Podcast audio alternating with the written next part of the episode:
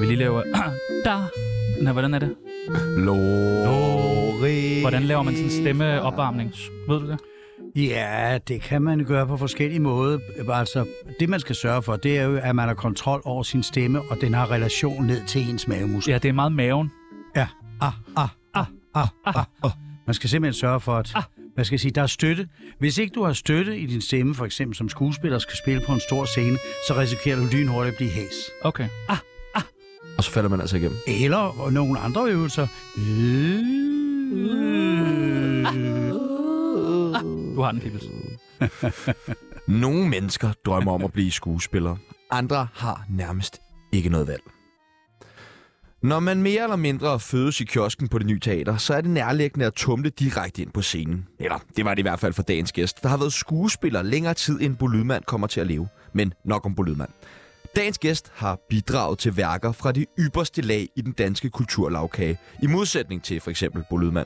Og her snakker vi om rejseholdet, krønningen og selvfølgelig Klovn afsnit 7, sæson 8. Hvis du stadig er helt bolydmand efter for meget roadkill tatar og ikke fatter, hvem vi snakker om, jamen så gætter du det helt sikkert efter dette klip. fuldbragt. Din drøm er gået i opfyldelse. Et kæmpemæssigt juleland. Et juleparadis. Velkommen til IP Jørgensen, Kai Holger Nielsen og Våge Sandø. Ja, tak. Våge Sandø. Det er stort for mig i dag. Du har virkelig glædet Jeg dig. har fucking glædet mig til Våge Sandø. Jeg har også glædet mig. Ja. Ja. Du har virkelig, virkelig, Jeg har virkelig glædet mig til i dag. Og jeg glæder mig meget til Bo Lydman. I dag så skal vi finde ud af, hvordan man lever et ekstremt lykkeligt liv. Vi skal finde ud af, hvem der er den største Don Juan, og så skal vi endnu en gang forsøge at få Bodil Jørgensens samtykke til at sende nudes. Mit navn er Sebastian Fischer, Og mit navn er Tjano Lacour. og du lytter lige nu til Tsunami-holdet.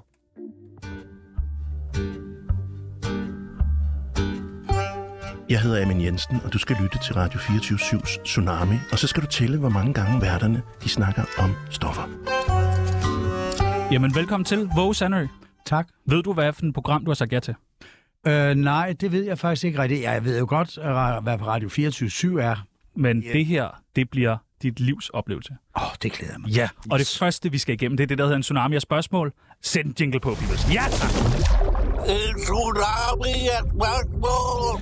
vil du ikke være sød og forklare reglerne, Tjerno? Vi giver dig nogle forskellige valgmuligheder. Du skal øh, tage den ting, der passer allerbedst. Eller ikke tage den ting, bare vælge den ting, der passer allerbedst på dig. Er du klar? Ja, ja. Hash eller kokain? Øh, øh, hash. Har du røget meget hash? Aldrig. Har du aldrig, Aldrig prøvet? råd. Jo, en gang. En Nå, gang okay. som fuldstændig ung. Og der spiser jeg også hashkager. Var det dejligt? Nej, det sagde mig ikke noget. Det er sjovt, hvordan at alle vores gæster øh, har øh, aldrig prøvet has, Ja. ja. og så har de faktisk, oh, okay, Åh, én fuck gang har de prøvet has, og så er deres liv ret stegt med persillesovs. Ja. Men øh, det bliver spændende at se, om Nej, det, øh, det var ikke stikflægt. Kun det var, jeg blev meget mere glad for alkohol, for eksempel. Så det, det det har været mit rusmiddel, og ikke stopper. Nej, okay. Jeg skal altså prøve øh, hashkager en dag. Jeg tror, du bare skal holde dig til alkohol. Hash det er, flødeskumskager. Du har rigeligt i, i det med alkohol, har du ikke? Jo, og så er jeg jo begyndt at bette og begyndt at øh, ryge puffbar. Altså, jeg ja. bliver så afhængig. Ja, det gør du. Tomgang eller badehotellet? Øh, øh, tomgang. Du var fandme også god i tomgang. Det var, øh, det var hyggeligt. Øh, var Mikke Øendal okay at spille sammen med? Ja, meget. Det var, det, det, det var rigtig fint. Jeg var faktisk meget glad for at være med i det. Badehotellet, det så jeg i øjnene. Jeg har lige hørt en lille sød historie fra badehotellet. Ja. For der så jeg jo lynhurtigt i øjnene, at den kunne ikke vare så længe. Han havde jo at være på det badehotel, den rolle, jeg spillede. Så det måtte jo høre op. Øh, og jeg, ved, jeg tror, jeg var med i de første to sæsoner. Så var jeg på en lille biltur, jeg kørte for mig selv ned i Nordtyskland. Jeg havde lavet mig en tur for at køre fra den ene side til den anden, sådan en tre-dages tur. Så bliver jeg ringet op, og det er producenten på Badehotel, der siger til mig, Våge, jeg har en meget sørgelig meddelelse til dig. Og, og jeg blev jo straks fuldstændig sådan stille. Åh, Oh, nej. jeg, jeg tænkte, at en af mine medskuespillere noget var død, eller sådan noget lignende. Jeg sagde, hvad, hvad, hvad drejer det sig om? Øh, ja, jeg vil bare fortælle dig, at Grev Valdemar er død. Hvordan tager man sådan en nyhed? Jeg grinede højt. Jeg sagde, hold nu kæft, jeg havde da heller aldrig forventet noget som helst andet. Sådan har jeg så, Så- det også, når jeg hører ja. om ja. dødsfald. Nå, men det var sådan en måde, han ville sådan måske fortælle mig, at du er altså skrevet ud af serien. Så det var udmærket. Kvinder eller mænd? Absolut kvinder. Ja, enig, enig, enig. Hold kæft, hvor er kvinder dejlige. Ja. Det, det synes jeg også. Det har ja, jeg... Ja, siger du bare. Jamen, jeg ved det ikke, men der er ikke særlig mange kvinder i mit liv, desværre, lige for tiden. Vi har lige prøvet Så, at så spørge ring vores, ind. vores praktikant, hvad, øh, hvor mange penge han skulle have for at være sammen med en mand. Har du nogensinde overvejet det? Aldrig. Hvor mange penge skulle du have? Jamen, det, jeg har aldrig ordentligt. Jeg, jeg, var lige, jeg har penge nok, så jeg, kunne- jeg er slet ikke interesseret. Nej, okay. okay. Jamen, så lok, øh, øh, popper jeg de 200 kroner i lommen. Gør det. Hævet. Og det PET, andet i lommen. PET eller rejseholdet? Er rejsehold. Ingrid Dahl eller Fischer? Ingrid Dahl. Mener du det? Absolut. Fuck, Fischer er sej. Men Inger, Jamen, Inger, Dahl, absolut. Inger Dahl tog dit job. Ja, nej, det gjorde hun jo ikke. Hun øh, i virkeligheden accepterede IP jo, og ligesom synes at det var fint at være, om jeg så må seniormand der. Men øh, altså, Fischer, vi havde det fantastisk godt sammen, øh, Mikkelsen og jeg. Vi havde meget fornøjelse af hinanden. Jeg er sådan lidt gammeldags, vil sige alle replikkerne, sådan som de var skrevet. Det vil jeg overvinde, selvom jeg indimellem synes, de ikke var så gode. Men øh, Mads, han lavede dem bare om. Han sagde, det vil jeg, jeg vil hellere sige sådan. Vi kaldte det sådan method acting sådan for sjov i forhold til ham. Men der var en meget sød historie. Så blev vi, øh, serien jo nomineret til en Emmy, og øh, der var kun en enkelt skuespiller, det var Ingrid Dahl, tror jeg, der kom med derover, og ellers skulle der, det var så, og så mange pladser. Men andre kunne komme med, hvis de selv ville betale. Og nu var det sådan, jeg havde faktisk lyst, for jeg synes, det lyder sgu ærligt talt Det spændende. er meget fedt at være med til. Men nu var det faktisk sådan, så jeg lige præcis den weekend havde sagt ja til at læse eventyr op for børn på Rialto Teateret. Og det synes jeg jo ikke, jeg kunne svigte, så jeg var jo nødt til at sige, at altså, jeg kan ikke. Men Mads tog med og betalte selv, for han ville derover, han ville have en agent. Og det var starten, hans egen vilje, starten på den internationale karriere, han har fået. Så det, det du siger, at du kunne have haft samme international karriere. Nej, det siger jeg bestemt ikke. Men jeg siger, at øh, ja, altså, jeg synes bare, det var sjovt, at den der... Jeg har aldrig haft den øh, længsel efter at skulle sidde på et hotelværelse for mig selv et eller andet øh, sted i en Budapest. og lære, ja, og lære, og lære, og lære, og lære at tale ungarsk, for at kunne sige nogle replikker. Nej, den lyst har jeg sgu aldrig haft. Men den havde Mads, og den fik han levet ud. Jeg synes, det var flot. Og så har Ah, han jo håret. Ja, det er også hårdt. Ja. IP eller Kai Holger? Kai Holger. Han var en bestemt herre. Kai Holger var en karakter. IP var i højere grad, kan man sige, en slags funktion. Det var det samme, vi lavede jo udsendelse efter udsendelse. Kai Holger var en udviklingsrolle, det gik over 25 år, og det er fantastisk spændende for en skuespiller at spille sådan en rolle, også fordi vi vidste jo aldrig, hvad der skulle ske. Jeg anede for eksempel ikke, at min søn skulle dø i afsnit 16. Vi vidste, jeg vidste kun de første fire afsnit, da vi startede. Så når jeg åbnede manuskriptet, nå for søren, sker der det? Nå. Og det er jo ligesom livet. Altså, jeg vidste, at jeg skulle herud til jer og lave det her i dag. Men hvis jeg nu var faldet på trappen og havde slået mig og ikke nået frem i tide, så var jeg jo ikke kommet. Og den risiko er der ved at leve, at det, man har planlagt, måske ikke bliver til noget. Og sådan er det også at være med i sådan en serie. Det var meget berigende. Jeg var meget glad for Kai Holger. Ja. Ja. Og Kai Holger ville jo det bedste for sine børn. Jeg ved, folk kunne ikke lide ham, fordi de syntes, han var en en skidt kald. Og et pikhoved jo. Jamen, det var han altså ikke. Han ville det bedst for sine børn. Hans problem var, det skulle være på hans måde, og det går jo ikke. Hvor meget, hvem, hvor meget minder du om Kai Holger? Øh, Jeg minder om Kai Holger på den måde, jeg selv er, kan man sige, en, øh, ja, altså en, øh, sådan en faderskikkelse, klart. Og jeg er jo også øh, opdraget, jeg kommer af en meget borgerlig familie, og har været sådan overhovedet i min familie på den måde. Men jeg har prøvet øh, at lade være at være som Kai Holger. Jeg har ikke blandet mig i, hvad mine børn ville og skulle, og lade dem leve deres eget liv, for eksempel. Så øh, Kai Holger light. Nej, ja, det, Zero. det kan du godt sige, Kai Holger. Nej, det er okay. Røv eller patter? Øh, patter, Er du en patmand? øh, det ved jeg ikke, hvad det betyder. Altså, kan, du kan bedst lide patter.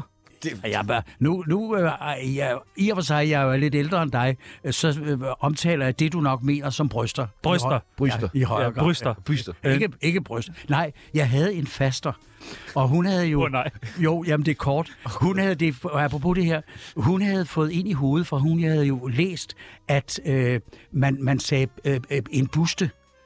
Øh, f- og, og, og, og, og der var jeg med hende nede i, som dreng og fortalte min mor det, som skreg og grin.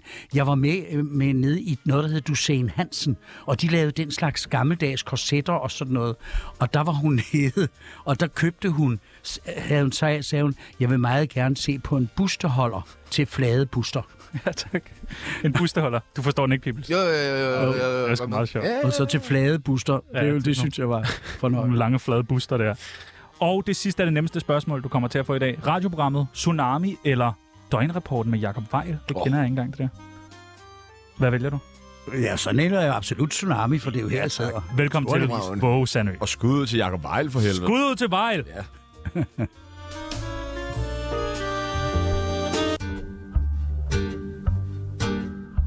Okay, men så prøv lige at fortælle, hvem vi er. Sådan der. Jo, det bliver ikke forelsket. Det er bare lidt svært, når det er, man hører tsunami. Ja. Jeg gør det endnu en gang. Jeg hiver den frem. Skal jeg ikke gøre det? Jo, giv den frem. Tsunamis kendisbarometer, ja. hvor dagens gæst får lov til at plotte sig selv ind, hvor kendt er Våge Sandø. Blandt venner og fjender, kan vi vist roligt sige. Hvor, øh, hvor kendt er du fra 0 til 100? Jeg vil tippe på... Altså, jeg vil sige, jeg har nok været mere kendt, hvor det er klart aktuelt, når man er i tv så meget, som jeg var i den periode med rejseholdet og krønningen, så var jeg jo meget kendt. Ikke så meget i København, der kunne man gå i fred, for der er man vant til en masse kendte folk. Men hvis jeg var ude i landet, i by som Områ eller et andet sted, så kom der jo nogen styrtende hen. Og, Og vil have billeder eller autografer? Eller? det hele. Øh, ikke selfie, for det var jo før den tid, men altså øh, billeder eller autograf, eller hvad laver du her? og Er du, er, De vil have Kom det nogle, hele. Nogle gange kom der nogle børn og sagde, er du ikke kendt? Hvad er det nu, du hedder? Jo, jo. Jeg vil sige 60. En 60'er? Ja, Kun en 60'er? ja jeg tror i dag. Der ligger du der under Nils Ellegaard. Mener du der må det jeg der? Lige... Du er Våge fucking Sandø. Ja, men jeg er også lidt beskeden på det der punkt. Prøv at- jeg jeg- tror ikke, jeg er ej. helt så kendt mere, Jeg som jeg dobler var. ham op på en 120'er med... med Ja, jeg vil også sige. ja. Over Gita. Ja. Ej, Der det vil ryger du op over Sådan er Sådan det. Nørby der, og den må I selv tage. Våge Sandø er ikke vi en tager den selv. 60'er. Du har skrevet selvbiografien Et ekstremt lygtigt liv. Ja. Vi har ikke læst den, men øh, Det vi er da en mangel i jeres opdragelse. Ja. 100 procent. Ja. Men der har, jeg har mange mangler i min opdragelse. Øh, Ja, den, er Ej, hjemme, det kan hos- jeg faktisk godt mærke. Ja. godt. den er hjemme på min mors bogreol, og jeg prøvede at åbne den en dag, og nogle af siderne var sådan helt klistret sammen. Nå, Men nå. det er mange ja. bødler at våge i den, Ja, ikke? der er... Ja. Øh, men øh, er det ironisk ment? Eller har du haft et ekstremt lykkeligt liv? Ja, det synes jeg. Altså, nogle gange kan jeg godt sige om mig selv, de ved godt, Aladdin, han var jo heldig at finde den der lampe og gnide på den, og så fik han, blev han, fik han da- datteren af, af, af, af sultanen at være levelykkelig. Akraba. Men altså, ja, det synes jeg. Det er faktisk ikke ironisk ment, fordi jeg synes, jeg har fået lov til her i tilværelsen at prøve alt, hvad jeg gerne ville inden for det, jeg har lavet. Og jeg har mødt vidunderlige mennesker, og jeg har mødt en vidunderlig kvinde, som jeg lever med på 40-20 år, og har nogle vidunderlige døtre og børnebørn. Så ja, altså både på det private, og så er jeg forskånet for, altså jeg er skavanker, jeg er diabetiker, det er- har jeg været de sidste 20 år, der er lidt forskellige småfølelsessygdomme med det. Men det lever jeg jo fint nok med. Jeg har jo altså også været forskånet for store voldsomme sygdomme og sådan noget i mit liv. Ja, ja, jeg mener det. Men hvor lang tid siger du, du har været sammen med din kone? Ja, den sidste her, den første var jeg sammen med i 17 år, og hende her har jeg været sammen med i 40 år. Hvordan? Ja. 40 år! Ja, 40 år! Hvordan kan man øh, holde øh, gnisten oppe i 40 år? ja det forstår jeg heller ikke, men det har vi altså faktisk. Vi er stadig Blå meget piller. glade for hinanden. Øh, har man stadig sex? Ja. Fuck, hvor dejligt. Altså, det er det, jeg er bange for. Jeg er bange for, når jeg bliver 30, og så stopper Men du... du har da allerede du er da stoppet med at have sex. Ja, jeg stopper som 25-årig. Ja. Ja, jamen du ser også sådan lidt ud. Men øh, hvad, hvad, hvordan gør man? Altså, hvordan holder man sig ekstremt lykkelig? Eller har et ekstremt lykkeligt liv? For det tror jeg, vi er jo mange, der... Altså omkring det sidste, vi snakkede om, der kan jeg sige, at min kone er 11 år yngre end mig. Ah, Okay. Og smart. Ja. Ja. Ah. Og, er, er, og ser jo et skide godt ud. Ja, enig, enig. Ah. Ja, ja. Og øh, jeg vil sige, hun har holdt mig til ilden på mange punkter. Ved det at ligesom øh, ikke acceptere, nu er vi blevet gamle, og nu er vi gamle, og nu... Jeg fylder jo 80 om relativt kort. Og vi glæder os til den fødselsdag. Ja, men den bliver også stor. Ja. Øh, men, men, øh, så det er det ene. Og det andet er som sagt at være lykkelig for det, man laver og det, man arbejder med, og stadig have lyst til det. Jeg har stadig lyst til at spille komedie. Jeg har stadig lyst til at lave noget. Jeg har ingen planer om det, der hedder at være, jo, jeg får folkepension, men det er så på den måde, jeg er jo ikke pensionist. Så, så det er det, der gør et ekstremt lykkeligt liv. Hvor meget arbejder du nu? Ja, nu arbejder jeg kun sporadisk, kan man sige. I hele det her år kommer jeg slet ikke til at lave en skid. Men til gengæld skal jeg lave ret meget til næste år, et par teaterroller. Og hvad så indimellem, så ringer DR og siger, nu skal du være med i bedrag. Og Nej. så siger man, Nej. Nå ja, det gjorde de. Ja. Nej, det, det, altså når man når min alder, så kommer der en ny, og det, sådan skal det også være, så kommer der en ny generation af skuespillere, der når den alder, jeg havde for 20 år siden, og kommer til at spille de ældre mænd. Jeg tror, der er mange, der tænker ved selv, når man når den alder, som nu ham på Sandø har, så kan han sgu nok ikke huske mere, eller er be, er ikke kan, har- kan bevæge sig eller noget andet. Men jeg bliver, så længe jeg kan bevæge mig og kan huske replikkerne, så bliver jeg, tror jeg også, men er man ikke bange for det der med at falde af på den, og bare lige pludselig ikke kunne huske noget, og så bare være blevet sådan, nå, nu skal vi ikke bruge ham mere at fange. Jo, det tror jeg da nok bestemt, der er nogen, der er bange for. Det har jeg ikke været bange for. Jeg har altid haft, nu banker jeg under bordet, og håber stadig at blive ved at have en meget god hukommelse. Jeg er meget god til at lære udenad og huske det, jeg skal lave. Og s- det er jo ikke bare at huske det, det er også at leve sig ind i det. Men det har jeg altid været meget god til. Og det håber jeg, der kan blive ved med. Men selvfølgelig, hvis du begynder at tvivle på, om du kan huske det, og tænker nej, så får du det, der hedder senangst. Og Men... Men- så skal du holde op. Men har du, øh, har du aldrig, så aldrig været ulykkelig? Jo, det har jeg da været. Selvfølgelig. Hvornår har du været allermest ulykkelig? Jeg var for eksempel meget... øh, øh, Ja, det er jo det mærkelige. Jeg var meget ulykkelig, lykkelig, for eksempel da jeg blev skilt fra min første kone. Fordi det at forlade et menneske, man har levet sammen med, og kan se, I 17 år. hvad det gør på hende, og have et barn også på øh, det tidspunkt 11 år, som man ved er vanvittigt sårbart i den periode. Det, det, var, det var ulykkeligt. Øh, men samtidig var det ulykkeligt, fordi at jeg kom ud af et ægteskab, jeg vidste ligesom var forbi, og var på vej langsomt ind i noget nyt. Ah, smart.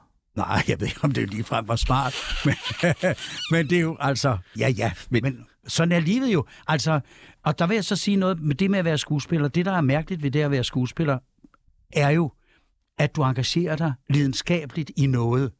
Du engagerer dig måske også i en forelskelse øh, i et andet menneske, øh, fordi det skal du spille.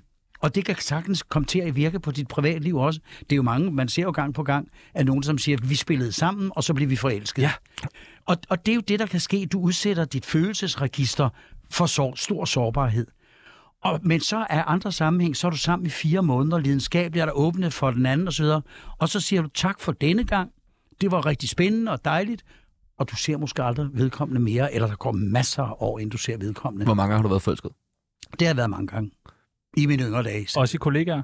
Ja, bestemt. Jeg har også instrueret mange forestillinger. Jeg har ikke bare været skuespiller, jeg har også instrueret mange forestillinger. Og jeg tror mere eller mindre, ikke hver gang, men ofte når jeg har instrueret en forestilling, så bliver man jo glad for dem, man er sammen med. Blandt andet fordi man mærker, hvordan de, hvad skal jeg sige, svarer igen på de ting, man forventer, eller ønsker, eller håber på. Og det bliver man sindssygt glad for. Og er det en dejlig kvinde, så er jeg blevet forelsket i hende også. Du øh, var jo øh, teaterdirektør på et tidspunkt i Odense Teater, hvor Ja. ja. du opførte stykket Don Juan, Det går rigtigt, ja. hvor du også øh, spillede hovedrollen Ja. selv. Genialt. Det er da meget, øh, noget at finde. Ja, det kan du godt sige. Men altså, nu blev det sådan, øh, også fordi jeg er skuespiller, øh, og det var i øvrigt en fantastisk... Men nu skal jeg så lige sige om den Don Juan, jeg spillede. Jeg har jo aldrig været slank som en Toledo-kling. Ah, Og, og så nej, og det er jo den rigtige Don Juan. Men, Han er jo som men en dengang var det jo Toledo-klinge. også et tegn på velstand, at man lige havde lidt på, på sidebenene. Ja, og Don Juan, den Don Juan, jeg spillede, han var materialist.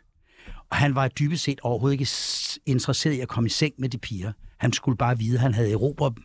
Og det var en Brechts udgave, det var altså den her tyske øh, gut Brecht, der havde bearbejdet det her, og det var en øh, sk- øh, instruktør, der kom fra det berømte Berlin Ensemble, der lavede forestillingen. Så det var, det var ikke den sædvanlige form for Don Juan, kan man sige. Det var en livsnyder. Men det lyder som om, at du er en rigtig Don Juan. Don, Don Juan. Det er det rigtigt. Don Juan. Ikke, ikke mere, men jeg var nok øh, i mine velmagsdage, om jeg så må sige, den alder derfra, hvad skal vi sige, 30 til 40 år, der var jeg nok sådan øh, en rimelig attraktiv fyr. Det tror jeg faktisk. har du synes jeg været, også. Har du været forelsket i, forelsket i andre kvinder, mens du har haft en kone? Nej. Aldrig? Jo, altså i den første, det må jeg sige, det var også derfor ægteskabet ikke gik længere, men ikke i den min anden kone, der har jeg ikke været forelsket i andre. Hvordan undgår man at blive forelsket i andre? Fordi man er forelsket i den, man har. Og øh, hvis der så ikke er nogen andre, der kan måle sig med det, så bliver man jo ikke forelsket i andre. Og Ah, det er det, der er tricket. Men 40 år, og der er 40 ikke fucking år! noget, 40 år, og du har mødt så mange kvinder, der er ikke nogen, der har kunnet måle sig med hende. Jo, det har det sikkert været for andre, men ikke for mig. Ja, hun har også fået Våge Sandø, selvfølgelig. Ja, det lyder, ja, ja. Altså, jeg ved godt, det lyder lidt kedeligt, men Nej, nej, nej, nej, nej. Hvilken rolle har du tjent flest penge på? øh, det har jeg på øh, IP i Rejshold. Gav det godt? Nej, det var ikke det, er ikke det, men det er jo sådan, at øh, ligesom alle andre udøvende kunstnere øh, og forfattere og andre, så har man jo en rettighed. Og i det omfang, at den rettighed bliver brugt, så øh, skal der betales for det. Og den rettighed øh, for at have været med i rejseholdet, den har der været rettigheder på, og dem har jeg, der har jeg fået penge, når det er blevet vist eller blevet brugt andre steder, eller hvad nu. Og de penge, hvis jeg lægger dem sammen, så er det det, jeg har tjent mest på. Fuck, hvor lækkert. Ja, det er lækkert. Hvad, hvordan er lønnen i forhold til dengang? Altså, man- tjener man flere penge i dag som skuespiller, eller er det blevet sværere for mange penge som skuespiller? Jeg tror, det faktisk øh, nok er blevet sværere. Blandt andet fordi, at øh, Altså, der var en overgang, hvor jeg havde, jeg ved ikke, hvor, nu taler jeg ikke om at være chef, men altså, hvor hvor jeg havde mange jobs. Man rendte fra det ene til det andet, hvis der var gang i den, og det var der i langt højere grad i min ungdom, end der er i dag. Der var mange flere jobs. Der var også færre skuespillere dengang, var der ikke? Nej, det, vel? nej. nej det var der faktisk ikke. Nå, Nå, okay. okay. Der var ikke flere skuespillere. Jeg kan sige det. Nej, færre. Der var færre Ja, skuespillere. færre. Ja, lige præcis. dengang var Ja. der færre skuespillere. Jamen, så jeg der kan var jo- illustrere det ved, at da jeg kom ind på skuespillerskolen, det hed Privattændernes Elevskole i 64, der var vi 21, der gik til optagelsesprøve, og der blev optaget 5. I dag går 12 til 1300 til optagelsesprøve. Hvorfor er det blevet så populært? Og... Er det fordi, man bliver kendt for succes? Jeg tror, det er blevet... Øh, jeg tror blandt andet, at det at uddanne sig, og kan du ikke komme ind det ene sted, så prøver du noget andet, og så er der masser, der gerne vil være kreativ. I oplever det garanteret også i jeres egen branche. Tror I ikke også, det hænger sammen med, at vi lever i en tid, hvor først og fremmest så er det blevet mere og mere sådan, du kan blive lige, hvad du vil. Det, det var det. jo. Man levede under nogle helt andre vilkår for 100 år siden, hvor man jo, Jo, jo. jo. måske fik at vide, du skal blive det, dine forældre er og så videre. Ja, ikke? Så hele den der fortælling om, at man kan blive lige, hvad man vil, har vel gjort, at der er flere, der tør drømme stort. Og så er der vel også kommet et eller andet forøget behov i forhold til selvrealisering. Altså, man vil gerne se sig, anerkende sig, alt sådan noget. Altså, der er jo det, at man, det begreb, der hedder, jeg vil være kendt. Influencer og hvad det nu ellers hedder. Jeg er ikke selv på Facebook, så jeg følger ikke med i det på den måde, men jeg ved jo om det. Og det begreb kendte man ikke. Mm. Jeg ville ikke være skuespiller for at blive kendt, men jeg vil selvfølgelig gerne blive kendt, fordi jeg var en god skuespiller. Og det er det modsatte, mange har. Jeg vil bare være kendt for et eller andet, og så finder man på et eller andet, og så håber man, at det kan gøre en kendt. Det er en, det er en, det er en helt anden ting i dag, end det var dengang. Du har spillet nogle øh, sådan ret øh, onde eller stride personer nogle gange. Ja. Øh, er det sjovere at spille en ond rolle? Ja, i princippet ja. Altså, der er jo mere nuancer i en rolle, øh, en, ro- alt efter hvor ond og hvilke grader, og hvordan man udøver sin ondskab, end bare at rende rundt og være god. Men er du ikke bange for, at altså, kan det ikke godt, når man har spillet en rolle øh, godt, at folk så går og tænker, ham der Våge Sandø, han er sgu lidt et pikhoved. Jo, altså jeg vil sige, at altså, netop med Kai Holger, øh, jeg ved ikke om de synes, jeg var et pikhoved, men i hvert fald mødte jeg jo tit nogen som, øh, i den periode, som sagde, hvordan er det at spille ond? Ja. Og så måtte jeg jo hver gang forsvare og sige, den mand er ikke ond. Han er skide god, han vil gerne have, at det skal gå hans børn godt, han vil bare gerne have, at det skal være på hans betingelser, og så går det galt. Så, så men jeg har aldrig spillet så ondt som... Øh, der er en lille historie om to, der sidder bagved. Jeg tror, det er Ole Ernst, der faktisk fortalte den. Der sidder i Odense Teater og ser Richard den 3., som jo er en vanvittig ond figur, kongefigur. Og så hører han damen bagved sige, "Ah, ah, hvor er han dog ond. Øh, og så hører han manden viske tilbage, jamen det skal han jo være. Og så siger hun tilbage, jamen behøver han at være så ond? Og det er jo, altså, der er jo noget, der er ondt der, men øh, Kai Holger var jo bare en borgermand, øh, så jeg har aldrig spillet nogen, der var så ondt, så, så folk, om jeg så må sige, spændt ben for mig, spyttede efter mig, eller har lyst til at slå mig ned. Ikke endnu. Må vi Nej. se efter det her program. Nej, jamen, der hører de det jo kun. De ser mig ikke, de kan jo ikke genkende mig, kun stemme. Vil du have en øh, venindebogskiller? Tsunamis venindebog. Har du lyst og mod på at være med i Tsunamis venindebog? Absolut. Ja tak! tak. Det første, vi skal bruge, det er dit kælenavn. Øh, vågemand, tror jeg. Mande. Øh, Min mor kaldte mig altid Mande. Våge, Og det kaldte min store søster mig også. Der, hun lever stadig og er nu 85, lige fyldt. Og hun kalder mig også Mande. Hvorfor jeg kom til at hedde det, det ved jeg ikke. Men navnet Våge, det er Vågemanden. sgu også et mærkeligt navn, Våge. Ja. Er det, hvor kommer det fra? Er det norsk, eller finsk, eller grimt, eller hvor er det? Hvis jeg skal være helt ærlig, så kan det være en lang forklaring. Den vil jeg spare jer for. Men sandheden er jo i virkeligheden, at våge er et beskyttet, ikke beskyttet mere, fordi der er ikke noget, der er. Våge er et familienavn. Våge. En af mine gode venner er operasanger og hedder Lars Våge. Øh, Sandø, som jeg hedder til mellemnavn, er et familienavn. Øh, det blev jeg dengang i starten af min karriere øh, hængt op på. Du må ikke kalde dig Sandø som efternavn, fordi der er en familie, der hedder det er beskyttet, og du må hedde noget mere. Det gjorde jeg. Jeg hedder Pedersen til efternavn. Våge Så Sandy jeg- Pedersen. Ja, jeg kunne lige så godt have heddet Hansen Jørgensen Nielsen. Jeg har faktisk tre efternavn, øh, og ikke et eneste fornavn i virkeligheden. Ellers vil jeg sige, det er måske færøsk. Der er en ø, der hedder Vågeø, og der er en ø, der hedder Sandø. Kunne du tænke dig et fornavn? Ja, hvad skal, synes du? Lars? Michael? Lars, Hva? Lars Våge, Søren La- Ø. Pedersen. Ja, nej, nu hedder han jo Lars Våge, så det går ikke. Åh, Åh, pis. Frank Våge. Hvad med Simon Våge Andersen? altså. Det kunne jeg godt tænke mig. at hedde. Simon Våge Andersen. Nej, men så skal jeg fortælle. Jeg skal fortælle, i skolen dengang, ja, der, var, der var et meget kendt vinfirma, der hed Våge Petersen. I ja. et ord, altså Våge Petersen. Og jeg skammede mig af en eller anden mærkelig grund over at hedde Sandø. Øh, jeg ved ikke hvorfor. Øh, nej, øh, og så s- siger jeg... Øh, når så der kom en lærer ind, øh, og en ny lærer, så var der sådan navn op over, hvad hedder du? Jeg hedder Paul Jensen. Hvad hedder du? Jeg er Jørgen Nielsen. Så kom de til mig, hvad hedder du? Øh, jeg hedder Våge Petersen. Mm. Og så var der en lille pause, og så sad alle i klassen og ventede, for nu vidste de, hvad der kom. Så sagde læreren, ja, og hvad hedder du så til fornavn? Åh, Og så måtte jeg jo sige, der hedder jeg Våge. Og så, så er det lidt, Nej, ja, der var ikke meget galt. Det lyder meget mærkeligt, og så videre. Og alle grinte, og alle glædede sig til det øjeblik. Jeg led med det i flere år, indtil min far sagde, hold nu op, Våge, og kald dig Sandø i stedet for. Det er da pænt. du kunne også lave sådan en security, øh, sådan en sikkerhedsvagt øh, firma, og så kunne det hedde overvåge, overvåge, overvåge. Det har jeg aldrig tænkt på. Det er rigtigt, det var nyt. Jeg har hørt alt den der med at falde, at falde i en våge og alt sådan noget. Den har jeg så aldrig Eller hvor våger du og sådan noget. Og hvor våger du? Den Men er også god. at overvåge, den er ikke dum. Alder, hvor gammel er du? 79. Ja, det er rigtigt. Livret? Hvis du siger stegt flæsk, så hakker jeg dig ind. Jamen, så lader jeg være at sige stegflæst. Jeg har faktisk mange. I går aftes spiser jeg faktisk øh, stegt lever med, øh, Nå. med løg. Blød Det er ikke, det er ikke dårligt. Blød, det smagte skide godt. Fik du det er lidt ikke surt til? Åh, Ja, og sur jeg asier. Ja. ja. oh, lækkert. Sylter I selv? Nej. Ah, okay. Jeg fik biksemad i går. Og det kan jeg også godt lide, hvis ja. den er god. Ja, den var god. Ja, Ja, den så er var det virkelig jo- god. ja. Masser af engelsk sauce på, og Ja, spejlæg og på toppen, spejlæg på og rubeder, toppen. hakket rubeder på Ah, siden, du hold ved. nu op, og- hvor er det godt. Ej, ja. Ja. Ej det, var, det var fandme lækkert. Ja. Hvad fik du? Ja, og jeg fik noget risotto og lidt øh, god vin, polyfemé. Det var hyggeligt. Ja. Ja, okay. ja, ja. Aktuelle beløb på kontoen. Uh, hvad tænker du der på? Hvor rig er du? Uh, jamen, jeg er ikke specielt rig, men uh, nej, det er jeg faktisk ikke. Men jeg har, vi, vi har uh, til at, at, hvad skal jeg sige, supplere vores folkepension, så vi kan leve et rimeligt liv. Bor i en lejelejlighed ude på Frederiksberg. Har men lige så- solgt et sommerhus. Til 7 millioner.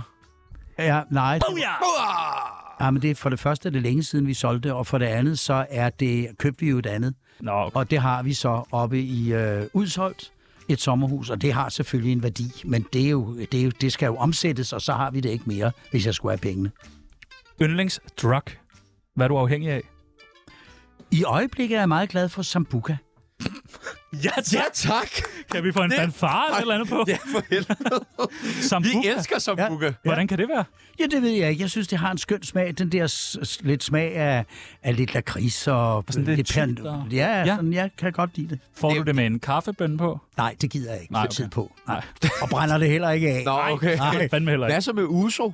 Det er jo lidt derhen af. Jamen, så vil jeg sige, så vil- kan jeg faktisk bedre lide p- Pernod. Åh, vi Pernod er også svæver jo til Pano. Pano med rød sodavand. Det er min yndlingsdrink. Ja, den skal du få lov til at beholde for dig selv. Pernod med almindelig vand, det er rigeligt for mig. Hvad er almindelig vand? Ja. Og en Yndlings, isterning. yndlingsskuespiller. Ja, det er jo vores Sandø, selvfølgelig. Selvfølgelig. Nej, den anden er selvfølgelig Pia Jondal, for det er min kone.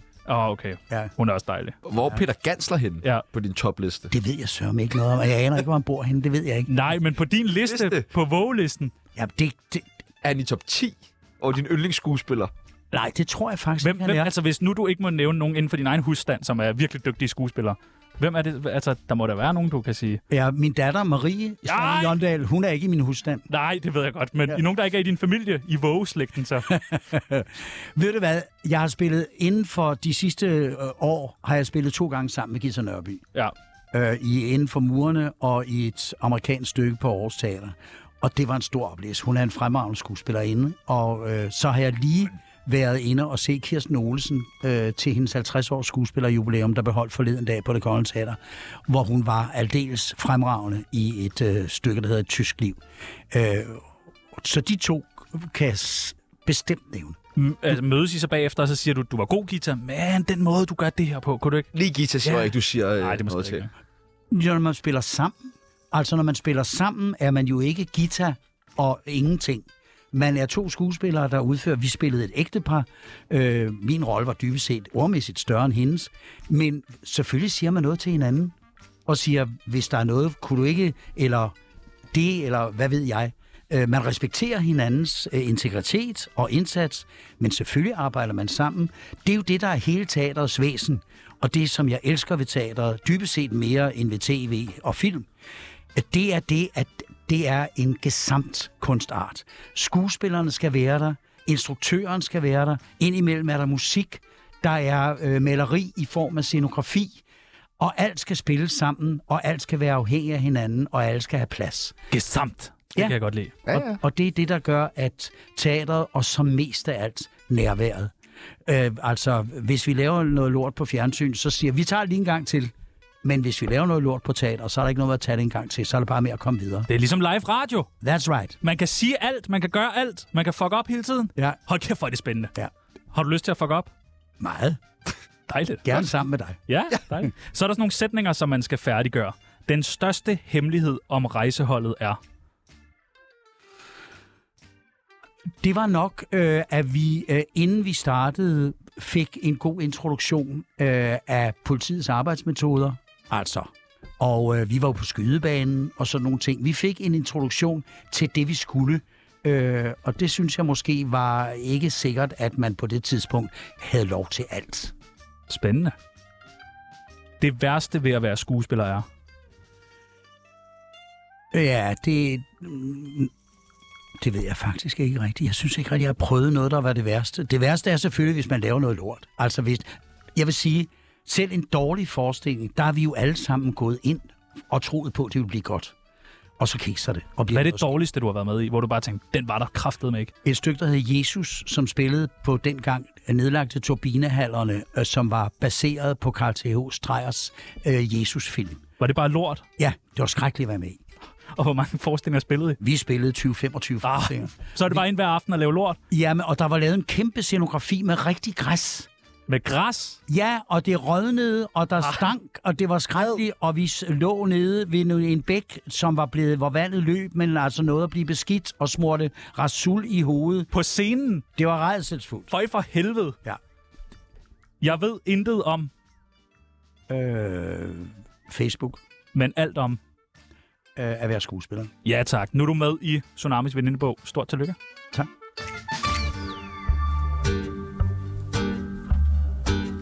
Jeg hedder Dan Raklin. Du lytter til Tsunami. Det er det mest kvalmende lorteprogram. Og jeg er ikke engang skæv. Var det ikke pissehårdt, at IP altid skulle tage resten? Og hvad indebar resten?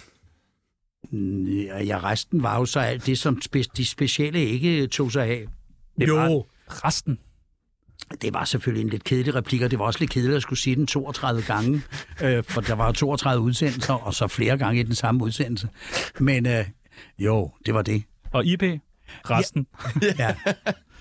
Men det var jo det, at, som jeg sagde før, i relation til Kai Holger, at IP, det var rigtig sjovt og spændende at lave de første, hvad skal vi sige, 10, 12, 15 gange.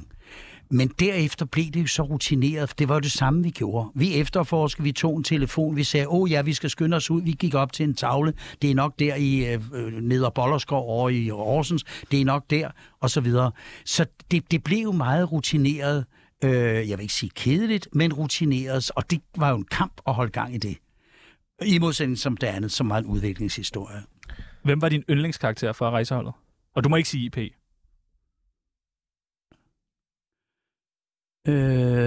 Øh, det var nok nogle af morderne, vil jeg tro. Nej, det, nej altså, det, det ved jeg ikke, men jeg havde nok ikke nogen yndlingskarakter. Det tror jeg ikke, man oplever, når man selv er med øh, i det. Så du det, da det blev sendt? Ja, det gjorde jeg. jeg Synes så du, det var spændende? Ja, jeg synes, det var stank godt. Ja. Det må jeg sige. Jeg forstår godt, at, at det fik den popularitet. Jeg forstår godt, det har holdt sig i live. Jeg møder jo standslige mennesker, der siger, jeg har lige siddet og set alt rejsehold og så videre. Eller ikke ustandslige, men indimellem. Og det var jo fordi, at det er i modsætning til, nu skal vi finde på noget. Altså, når du ser de der politiserier, for, nu vil jeg ikke nævne Barnaby, men altså, nu skal vi finde på noget. Men her var det ikke at finde på noget, fordi de tog udgangspunkt i nogle aktuelle, eller i nogle sandfærdige historier, skrevet om selvfølgelig. Og det tror jeg, og så det, det andet, som var genialt ved det, det var, at man rejste rundt. Så det vil sige, at selvom vi optog noget i et studie, så var vi i Hobro. Vi var i Vejle. Vi var de der steder ude ved Holbæk. Og der kom jo folk og sagde, så nu er jeg rejseholder her. Spændende. Ja, og det var fantastisk genialt at finde på at brede det ud på den måde, at det ikke bare for, alt, foregik alt sammen i København, eller alt sammen i Aarhus, eller hvor nu ellers. Øh, og det var, det, var, det var en utrolig god, og derfor tror jeg, at det skabte den både interesse og popularitet, og så var det godt. Det var, mo- det moder, det var moderne.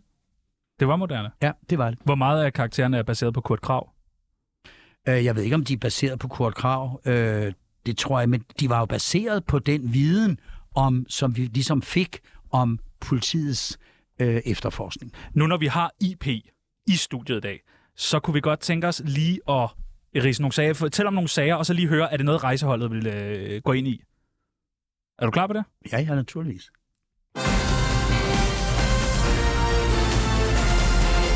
En 46-årig tidligere succesfuld tv- og radiovært med afbladet, langt fedtet, hår og skægstube er forsvundet i nattens mulm og mørke.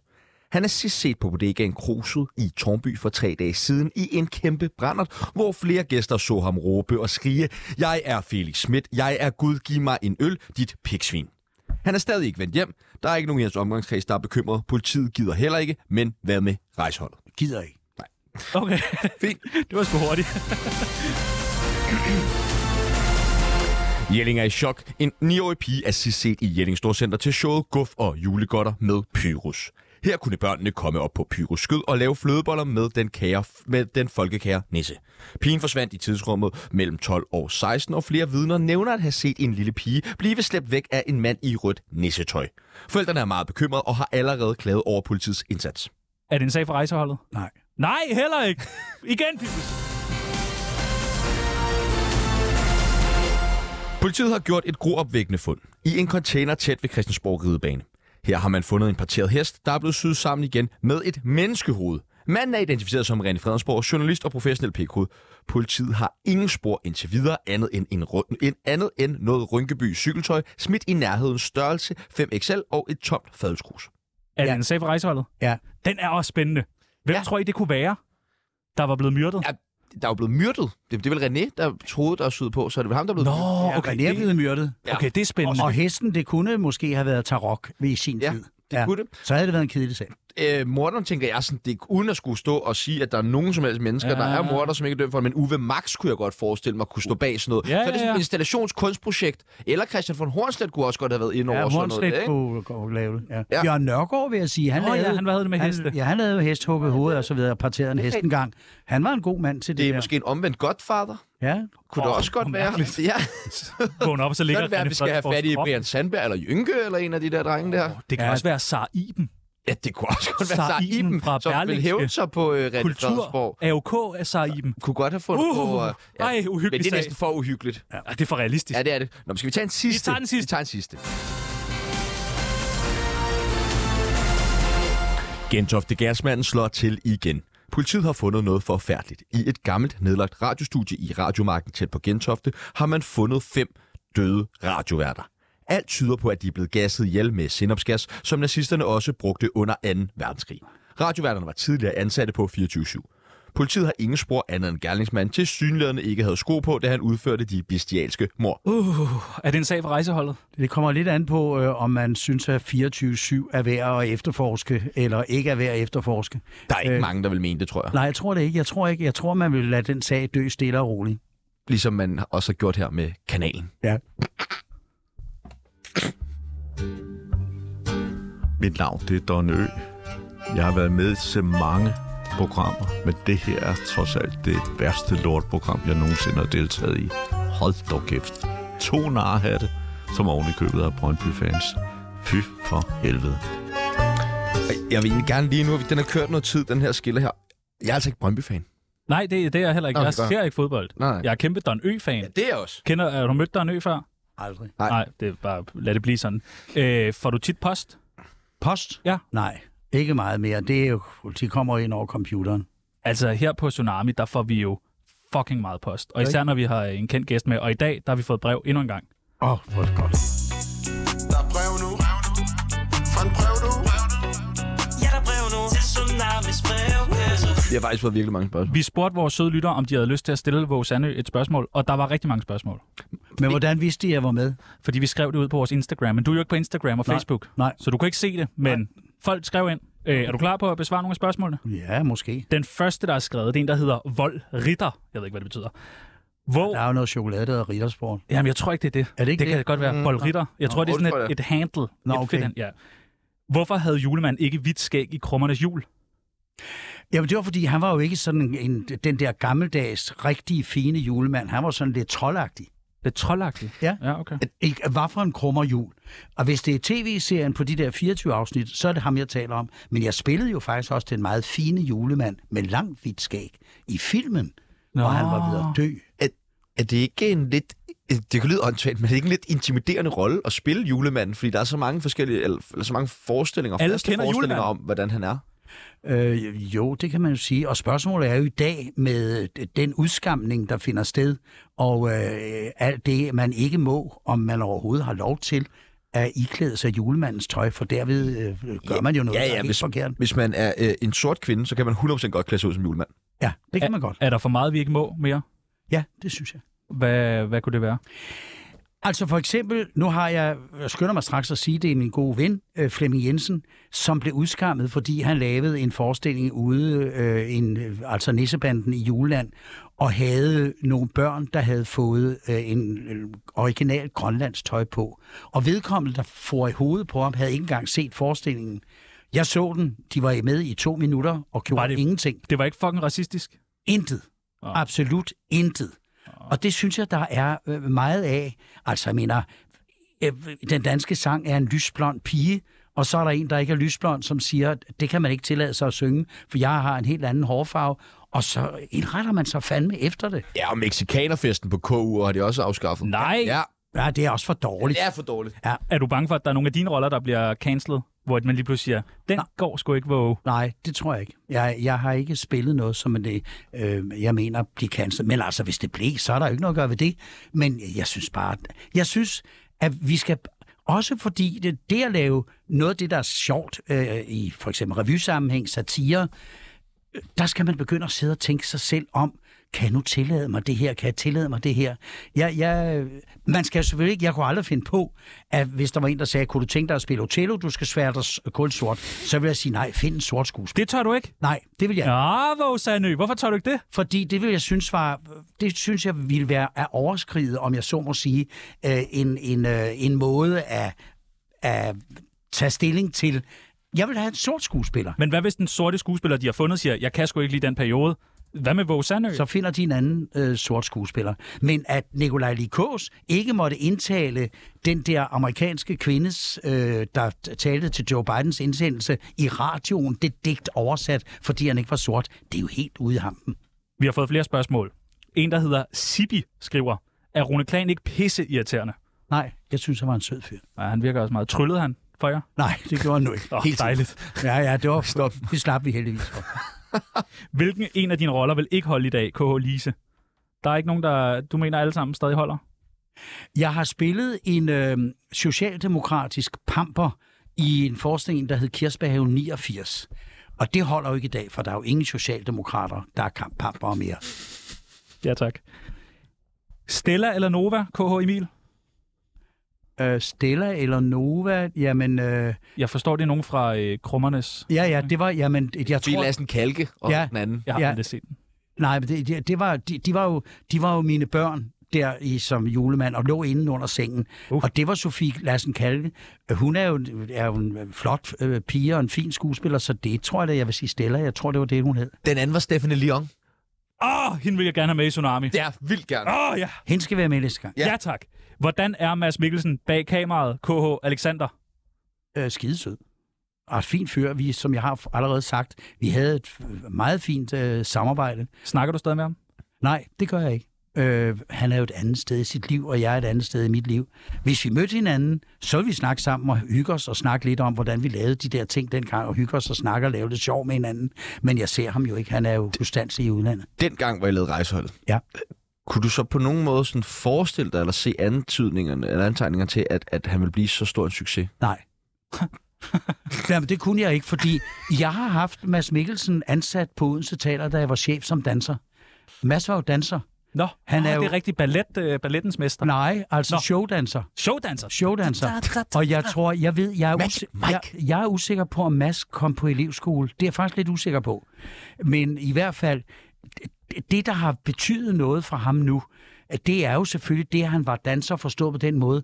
Det har, har givet ham en skideflot krop og en fantastisk god plastik, som jo har kommet ham til stor nytte øh, senere. Og så har han så haft et skuespillertalent, som har udviklet sig.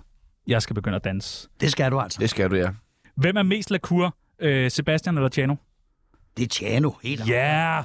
100 procent. Jeg er jo Fischer. Ja, det er du. Jeg kan det er mærke, helt tydeligt. at der har siddet nogen her og snakket. ja, det er et radiostudie, lakur. Yeah. Hvornår kommer rejseholdet The Musical? Den tvivler jeg på kommer. En syngende IP. Ja, det... Jeg tager resten! ja, men I hørte jo lige, du startede med, ja, du kan at jo jeg godt. sang i Ja, jul, ja, ja. jeg, har, jeg kan synge strålende. Og det sidste spørgsmål kommer fra en, der hedder Ravn. Jeg ved ikke, hvad det betyder. Det er nok Kurt Ravn, kunne jeg tænke Ja, mig. det er sikkert Kurt Ravn, der har skrevet ind Han på. sniger sig ind alle steder. ja, det Insta. er Kurt Ravn. Hvornår bliver rejseholdet samlet igen? Aldrig, Aldrig. aldrig. I lavede der sådan to afsnit eller et dobbeltafsnit noget et år efter eller sådan noget. Ja, Kunne man ikke også godt gøre det igen? det skulle vi måske slet ikke have gjort. Hvorfor skulle I ikke det? Altså, det var jo sådan et påfund. Øh, IP og, og i øvrigt er- er jo Erik Vedersø, der spillede øh, chefen der. Han er jo død, så det kan ikke lade sig gøre. Men øh, vi var jo pensionerede, og jeg ved ikke. Nej, jeg synes, det var sådan lidt, lidt roderi. Det var lort. Jeg synes, Ej, Ej, det var men- meget godt. Jeg siger ikke, det var lort. Jeg siger bare, at det- det var sådan noget... Vi var jo færdige, og så s- var... Så nej, de bliver aldrig sammen igen. Øv. Nå, men det var brevkassen.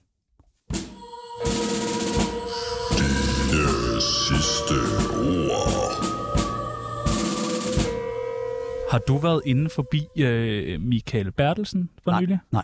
Tror du, du kommer det? Nej. Hvorfor ikke? Ja, Det ved jeg. jeg ved ikke rigtig så meget om, hvad Michael Bertelsen er. Jeg ved godt, han er interviewer, men jeg har ikke, ja, det, det har jeg ingen forventning om. Godt. Dejligt. Øh, f- vi har jo opfundet en ting her på Tsunami, som er vores helt egen ting. Vi har siddet og jammet. Du ved, hvad, hvad med det her? Hvad med det her? Hvad gør vi? Hvad gør vi? ikke? Overskriftestolen, den var god. Og Vi, vi har jo sådan nogle... Mere. Ja, ja overskriftsstolen. Det var, Den var fucking god. Den, Den, var fucking god. havde vi. Den- Et godt vi smadrede råd den. fungerer, Tinder, alt det der. Men Vi kan vi har det. fundet på en Tsunami ting, spørgsmål. Ej, jeg får glemt. hvor at dagens gæst får lov til at øh, sige sin sidste ord. Så øh, Våge Sandø, når det her det bliver sendt, ja, så er du her ikke mere. Nej. Nå, når det her bliver sendt. Sikkert noget vrøv og sludder. Vi er her jo nu. De, ja. de hævder jo det direkte, men det er måske løgn. Ja, det Ja, ja, jo. jo, jo. Okay, ja, ja, der, der er også... Nok godt ord igen. Ja, Nej, men I spurgte mig om det der med at være aktiv. Og der vil jeg sige to ting. Vita Pro. Ja. Til næste sæson, ikke den, der, ko- der kommer med næste sæson igen, der skal jeg dels spille en forestilling inde på Folketeateret, et nyt amerikansk stykke, hvor jeg skal spille sammen med Ulla Henningsen. Så Det vender du glæder jeg mig hjem? meget til. Ja. Men når jeg så vender hjem, og det kommer så, det siger jeg så nu, det bliver st- i sæsonen efter, eller den slutning af den sæson, der skal jeg spille Kong Lear Ja. ja. som er det største øh, Shakespeare-værk, vil jeg sige, øh, og den største rolle. Og det bliver mit 60-års skuespillerjubilæum, og der er jeg fyldt 80, og det er Kong Lear også. Han er 80, jeg tror aldrig, han er blevet spillet af en skuespiller, der var 80 før. Lad os nu se, om jeg når frem, det håber jeg. Og så vender jeg jo tilbage, for jeg er uddannet på Folketeateret, startede min karriere der, og så kommer det nok også til så næst, så småt og slutte der. Er det det sidste Våge Sandø, øh, vi får at se? Lige nu i hvert fald. Og det, i- i- forestillingen skal både spille på Folketeater og skal nok lige en lille tur rundt i landet. Det bliver i hvert fald den sidste tur rundt i landet, fordi så magter jeg ikke det mere. Men altså, Frank Sinatra havde, så vidt jeg ved, syv afskedsturnéer, så jeg kan jo godt sige, at det er den sidste rolle, jeg spiller, så Og og kan du der er måske jo- komme en til. Du er jo skuespillens svar på Frank Sinatra. Noget, noget, noget i den retning, ja. Men My way. Våge, Våge Sandø, hvordan øh, håber du, at du dør? Stilfærdig og rolig. Altså, jeg vil sige, jeg havde en god ven, som sagde, jeg fatter ikke, at folk er så bange for at dø. Så er vi bare væk. Det fatter jeg ikke. Men selvfølgelig kan jeg godt forstå, at vejen derhen kan man være bange for. Og de ord vil jeg da gerne gøre til mine. Tænker du over øh, døden? Nej. En sjælden gang, jo, på grund af min alder, eller hvis der er et eller andet, jo. Men det er ikke noget, jeg går og tænker på. Fordi som, hvis du går og tænker på det meget, så smadrer du også din mulighed for at leve, og din mulighed for at have planer øh, underforstået. Det bliver nok alligevel aldrig til noget. Vi er nok død, og det dur jo ikke. Hvem skal ikke med til din begravelse? er der nogen, hvor du siger, nej, fandme nej? Nej, jeg, og jeg kan jo ikke forhindre det. De, selvom jeg sidder og siger det her nu, så har jeg jo ingen indflydelse på det. De kan Ej, jo, vi, det skal vi nok stå Ja, vi skal for. nok stå for det. Hvis du siger Lars hvis du Brygman, giver sådan en liste, ikke, så Lars skal vi Brygman, han nok... skal ikke ind, så kommer han ikke ind. Jo, Lars Brugman må meget gerne. Han må godt komme. Ej, jeg har ikke nogen, der ikke må komme. Jeg har i det hele taget haft ustyrligt lidt, om jeg så må sige, fjender i mit liv, føler jeg selv. Altså, det kan godt være, at der er nogen, der har følt, at jeg var et dumt svin. Men jeg har meget få mennesker, som jeg, hvad skal jeg sige, har haft øh, øh, ja, øh, fjendskab eller ikke har kunnet lide med. Øh, og det tror jeg også, det hænger lidt sammen med, at jeg, det tør jeg godt sige om mig selv, har været positiv, er positiv og optimist. Jeg er ikke en, der går og surmuler eller tænker, det går nok aldrig. Tværtimod tænker jeg, det går sgu nok. Vi er jo to drenge, der elsker musik. Ja. Hvad skal der spilles til din øh, begravelse? Når du ved, øh, kisten, den åbne kiste, bliver båret ud. Så tror jeg, at vi skal spille øh, den Benny Andersen-historie, og, øh, som hedder øh, I, der skal blive tilbage. Jeg ønsker jer sanger og kærlighed. Ida skal blive... Der Nå, bliver- I... Ikke Ida. Ja, men jeg ved jo ikke. Også Ida, jo jo, Ja, ja, ja. ja. også hende. Ja, for ja. den sags skyld. Ida Davidsen. Ja. De store, Nej, dog dejlige ikke bladder. hende. Hun er jo ikke smørbrødsjomfru mere. Den er jo lukket. Hvad skal I have til det der gravøl bagefter? Skal der, skal der være pilsner og smørbrød, eller? Ja, det synes jeg. Ja, altså, øh, øh, jeg vil da håbe... Jeg vil så også sige, hvis du dør, Altså mig? Tjerno, ja, Ja, tak. hvis du dør, så gør vil jeg jeg. synes, det var øh, forfærdeligt trist. Tak. Fordi et liv, som skal leves, ikke er blevet levet. Når unge mennesker dør, så synes jeg, det virkelig er en tragedie. Men når gamle mennesker dør, det er jeg jo allerede nu, og håber måske, jeg bliver noget ældre, så er det jo ikke trist, så har man levet sit liv. Det er der jo ikke noget sørgeligt ved. Det er jo bare livets gang. Vi ved, vi skal. Når vi er blevet født, ved vi også, vi skal dø. Så derfor synes jeg, i mit tilfælde, når jeg selv synes, mit liv har været lykkeligt, så bør det også være en fest. Øh, altså, forstået på den måde. Øh, en af mine meget gode kolleger, der døde for ikke så længe siden, øh, og som i øvrigt var meget yngre end mig, men altså ikke Lise Nørgaard. ej, dog, hvor er du god. Nej, nej, dog ikke. Men han havde altså skrevet, vi skal hen på øh, Allégade nummer 10, og vi skal have øh, øl og vin og brød. Ja, tak. Og det var det, vi fik. Fuck, hvor hyggeligt. Ja, og det var, det var rigtig hyggeligt, fordi så kommer der også en god snak, og den snak ved et efterhistorie, det er jo, kan du huske dengang? Og det, og det er jo meget det, vi gamle skuespillere, når vi mødes indimellem, snakker om. Kan du huske? Jamen, du kendte da hende. Nej, var det ikke? Nej. Og så lavede vi jo. Og det er jo sådan nogle ting, og det er jo det, man kan snakke om ved sådan en lejlighed. Og hvad skal din aller sidste ord være, lige inden du ånder ud? Resten. ja, det, det tror jeg. Det bliver, nej, det bliver det nok ikke. Det ved jeg ikke. Det ved man jo Du ikke. må da have tænkt over noget klogt. Sådan en... Øh... Nej, den, Nej. det er jo lige, så- som jeg sagde før. Det, er jo- det starter på væggen der. Nej, nej, jeg går jo ikke og tænker på, jeg går ikke og tænker på døden, så jeg går heller ikke og tænker på, hverken hvordan min begravelse, for det er der nogen, der tager sig af. Min mor sagde, jeg vil i de ukendte skrav, hvor du må love mig, at jeg kommer i de ukendte skrav. Og det sagde jeg selvfølgelig ja til. Men min søster sagde, jeg vil have et sted, hvor jeg kan gå hen og vide, her ligger mor, og hun fik sin vilje. Så mor kom alligevel ikke til at bestemme det. Tavligt. Ja, men sådan er det jo, og sådan vil det også være i mit tilfælde. Du skal have en stor gravsten, skal du ikke? Jo, Første. Ja, tak. Øh, en, der øh, tænker meget på døden, det er ham, vi skal have med i morgen. Ja. Det er nemlig Kurt Krav, vi skal have besøg af i morgen. Ja. Han skal sidde lige på, der, på din plads. Ja. Det er jo sjovt, den ene... To efterforskere. Ja, præcis. Ja. Øh, men det, han tænker nok ikke på sin egen død. nej, Har du et Håber spørgsmål til ham? Du må spørge ham om alt. Nej, det har jeg faktisk ikke. Jeg fik jo de svar dengang. Jeg mødte i øvrigt Bent Isager, for ikke, ham har jeg ikke Han er set også- siden dengang. Ham mødte jeg pludselig forleden dag, og vi fik en lang snak. Øh, det var Om hvad du havde gjort. lige om, hvad jeg havde gjort. Hvor Om hun var dengang. begravet. Det var, det var faktisk øh, skidehyggeligt. Det var fine folk, øh, dedikeret. Som skuespiller er det fuldstændig nødvendigt at være dedikeret til det, man skal lave, hvis man det skal, skal lykkes for en. Bruge sin fantasi og øh, ville det. Og det samme er det jo med de folk der. Kurt Krav, Bent Isager, de vil det. De er dedikeret til det arbejde. vi når ikke Og mere. det er du fandme også, Våge Sandø. Det må man sige. Tak for i dag. Tak til vores Mit navn er Sebastian Pibels. Mit navn er IP. Og nu er det tid til nyheder.